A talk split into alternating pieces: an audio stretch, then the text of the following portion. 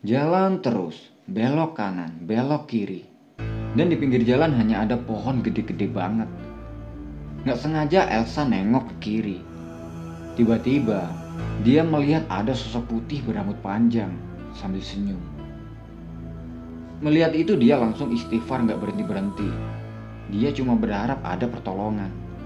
Tapi nyatanya, nggak ada kendaraan satupun yang lewat. Nah, nggak lama setelah itu, Tiba-tiba dia ngeliat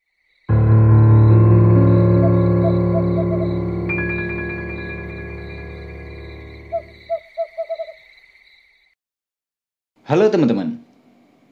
Di mana pun kalian berada semoga tetap sehat selalu. Masih dengan gua Vidi. Sebelum cerita gua mau tanya nih ke teman-teman. Pernah nggak kalian nyasar di sebuah hutan yang gelap dan kalian belum pernah ke situ sebelumnya? Dan kalian udah coba cari jalan keluar, tapi nggak ada. Kalau memang belum pernah, coba bayangin, kalian tersesat di dalam hutan itu. Seperti kisah yang akan gue ceritain kali ini. Cerita ini dari teman kita. Panggil aja namanya Elsa. Waktu itu lebaran tahun 2019. Jadi, enam hari setelah lebaran, Elsa dan suaminya ini sedang mengendarai motor melakukan perjalanan dari Majalengka menuju ke Tangerang. Biasanya sih mereka ambil jalur Pantura. Jadi dari Karawang, Cikarang, Bekasi, Jakarta, dan Tangerang.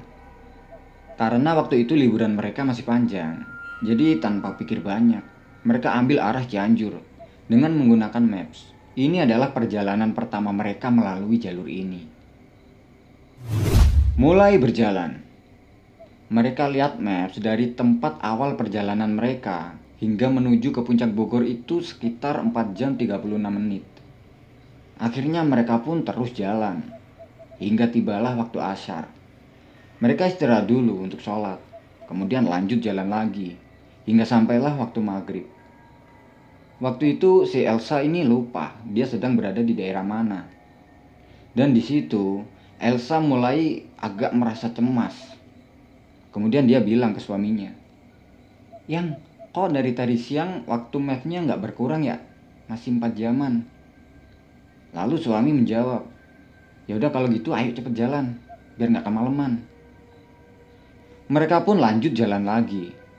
Tapi makin lama, jalanan semakin sempit. Sepertinya waktu itu mereka sedang melewati di sebuah perkampungan. Dan waktu itu di perjalanan, masih ada sedikit rumah-rumah di pinggir jalan. Tapi jalanannya sepi banget dan jarang ada warga yang berada di depan rumah. Padahal waktu itu belum begitu malam. Mereka pun terus berjalan, melewati tanjakan, menuruni tanjakan, melewati belokan yang lumayan tajam. Tiba-tiba, jalanan yang mereka lalui itu gelap banget. Dan kiri kanannya ada pohon yang besar. Tapi dia nggak berani bilang sama suaminya karena takut mengganggu konsentrasinya. Tapi untungnya kondisi jalannya mulus. Tapi ya nggak begitu lebar. Cuma cukup buat dua mobil yang berlawanan arah. Dan di jalanan itu bener-bener gelap banget. Gak ada lampu jalan, gak ada rumah warga. Yang ada hanyalah cahaya dari lampu motornya mereka. Lalu tiba-tiba, tek, lampu motor mati otomatis mereka berdua langsung panik dan mereka langsung menyalakan senter dari HP-nya untuk penerangan. Akhirnya dengan pencahayaan yang minim, mereka bawa motornya pelan-pelan. Di situ si Elsa cuma diem dan suaminya pun diem. Dia nggak berani ngomong apa-apa, soalnya dia nggak mau bikin suaminya panik. Dan mereka pun terus jalan. Tapi Jalanan yang mereka lewati ini nggak habis-habis. Yang ditakutin mereka waktu itu adalah satu, kehabisan bensin. Waktu itu Elsa melihat jam dan sudah menunjukkan jam 9 malam. Lalu tiba-tiba ada suara motor dari belakang. Elsa merasa sedikit lega. Dalam hati dia bilang, syukurlah ada yang lewat. Tapi tiba-tiba motor itu lajunya kencang banget. Dia nyalip nggak ngelakson, nggak apa, cuma lewat gitu aja. Elsa sempat ngeliat motor itu. Pengendaranya adalah bapak-bapak pakai motor metik. Dia pakai baju koko dan pakai peci putih. Nah, setelah motor itu nyalip, Elsa bilang ke suami, Ai, kejar Ai. Kita bareng sama bapak-bapak itu. Lalu suaminya tancap gas untuk mengejar motor bapak-bapak yang nyalip tadi dengan tujuan agar mereka bisa bareng. Nah, pas mereka kejar, tiba-tiba di depan tuh ada sebuah belokan dan bapak-bapak yang tadi nyalip itu hilang. Entah bawa motornya itu ngebut atau gimana, mereka nggak paham. Dan anehnya, waktu itu kan nggak ada rumah warga sama sekali. Terus bapak-bapak itu mau ke mana? Akhirnya ya udahlah nggak dipikirin. Tapi selama perjalanan itu kurang lebih ada tiga motor yang nyalip. Motornya pun sama dan pengendaranya pun sama. Tapi entahlah, Elsa hanya bisa berdoa di dalam hatinya dan gak berani noleh ke kanan kirinya. Tidak lama kemudian, di depan mereka ada sebuah pertigaan. Mereka bingung mau ke mana, karena waktu itu Maps udah gak berfungsi karena kendala sinyal. Akhirnya Elsa ingat kata-kata gurunya dulu. Kalau kalian tersesat, ambillah jalur kanan. Karena jalur kanan itu dominan baik. Akhirnya mereka pun ambil jalur kanan. Tapi di situ mereka ragu. Karena di jalur kanan itu kayak jalan menuju ke sebuah wisata. Di situ terdapat sebuah gapura dan di atas ada tulisannya. Tapi mereka nggak sempat baca karena waktu itu memang gelap banget. Akhirnya mereka pun terus ambil jalan kanan itu. Ya meskipun waktu itu dia sedikit ragu. Tidak lama setelah itu, Tiba-tiba jalanan makin serem. Dan Elsa bener-bener down di situ. Dia gak berani ngeluh. Dia kasihan sama suaminya. Karena dari tadi mereka itu udah jalan terus, tapi gak sampai-sampai. Hingga waktu menunjukkan jam 11 malam dan mereka masih di hutan. Nah, gak lama kemudian, tiba-tiba Elsa melihat ada sebuah warung makan lesehan di pinggir jalan. Dia bilang sama suami, Ay ada warung makan tuh. Kita makan dulu yuk sekalian ngecas HP tapi suaminya nolak. Dia bilang enggak aku nggak lapar. Ntar aja kita makannya. Mungkin waktu itu suaminya berpikir nggak mungkin lah ada warung di tengah-tengah hutan yang sepi kayak gini. Akhirnya mereka pun nggak makan dan tetap lanjut jalan Nah, nggak jauh setelah itu, mereka melihat ada tiang listrik. Mereka pun berhenti buat ngebenerin lampu motornya yang tadi mati. 15 menit kemudian selesai. Akhirnya lampu motornya bisa nyala lagi. Ya setidaknya perjalanan mereka bisa lebih terang. Dan mereka lanjut jalan lagi. Terus jalan. 20 menit kemudian tiba-tiba. Lampu motor mati lagi. Elsa sampai mau nangis waktu itu. Dalam hati dia bilang, kenapa bisa mati lagi di keadaan yang kayak gini? Kemudian suaminya bilang pada Elsa, kita harus keluar dari sini malam ini juga, ay. Ini bener-bener udah gak beres. Ini aneh. Nah, kebetulan suaminya Elsa ini orangnya sedikit peka dengan masalah yang kayak gitu-gitu. Akhirnya mereka pakai penerangan senter HP lagi. Tapi kali ini mereka pakai dua senter Ya karena waktu itu kondisinya emang gelap banget, ditambah suasana berkabut. Nah mereka kan lanjut jalan lagi tuh.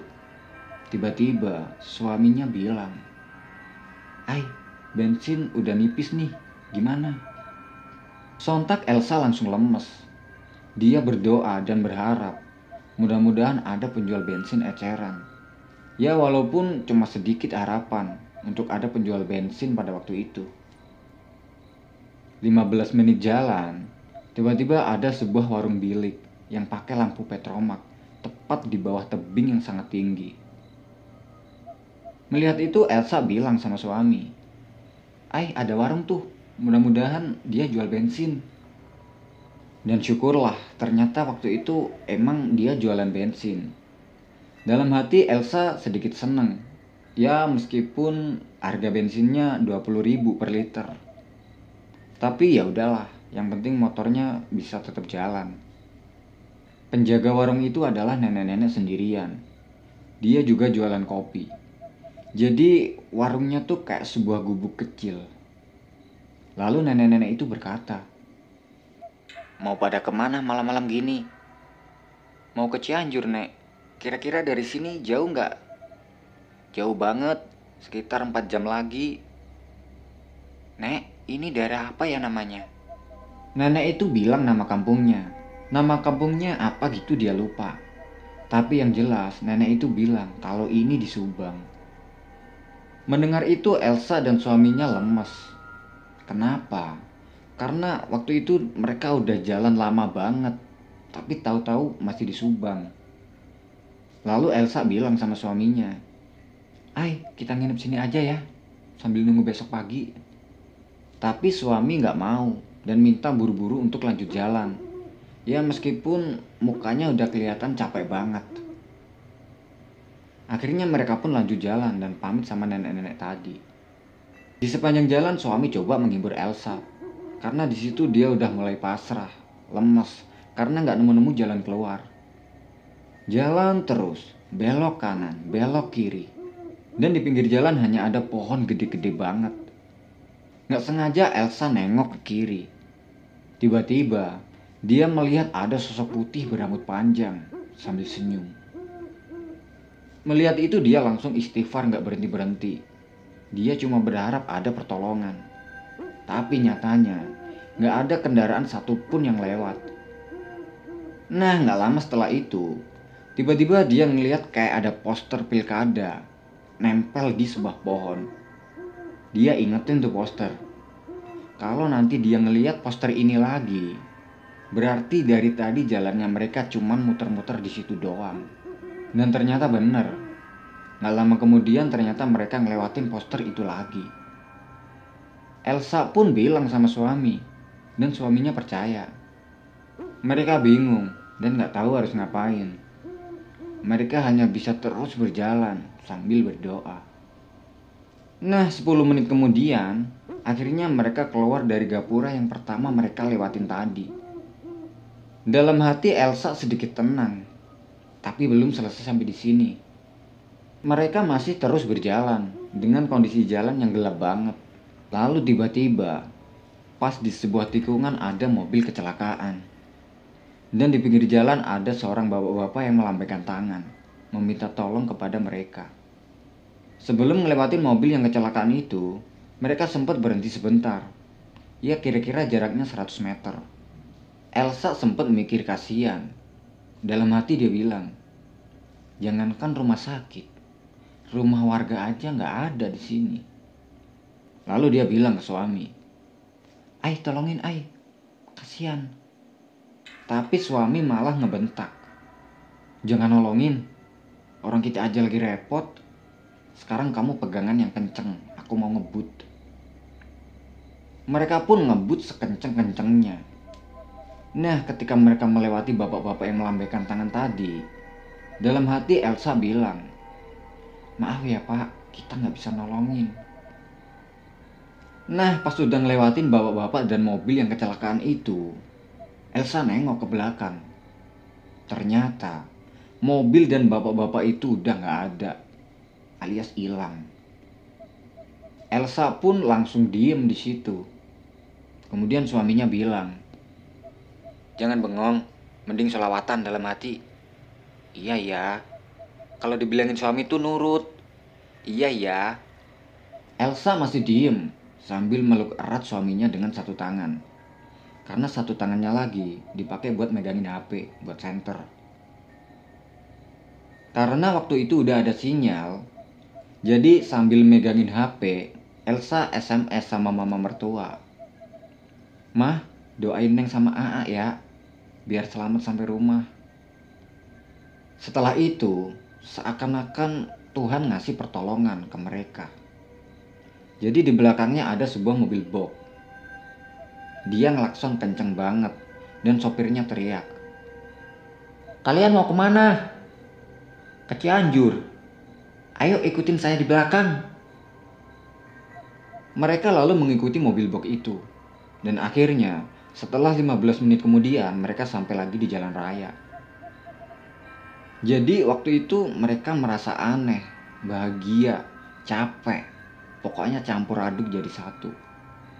Memang masih jauh untuk ke Cianjur, tapi setidaknya mereka udah nggak di hutan itu lagi. Akhirnya mereka pun makan dulu, karena dari tadi sore mereka belum makan. Setelah selesai makan, mereka akan melanjutkan perjalanan.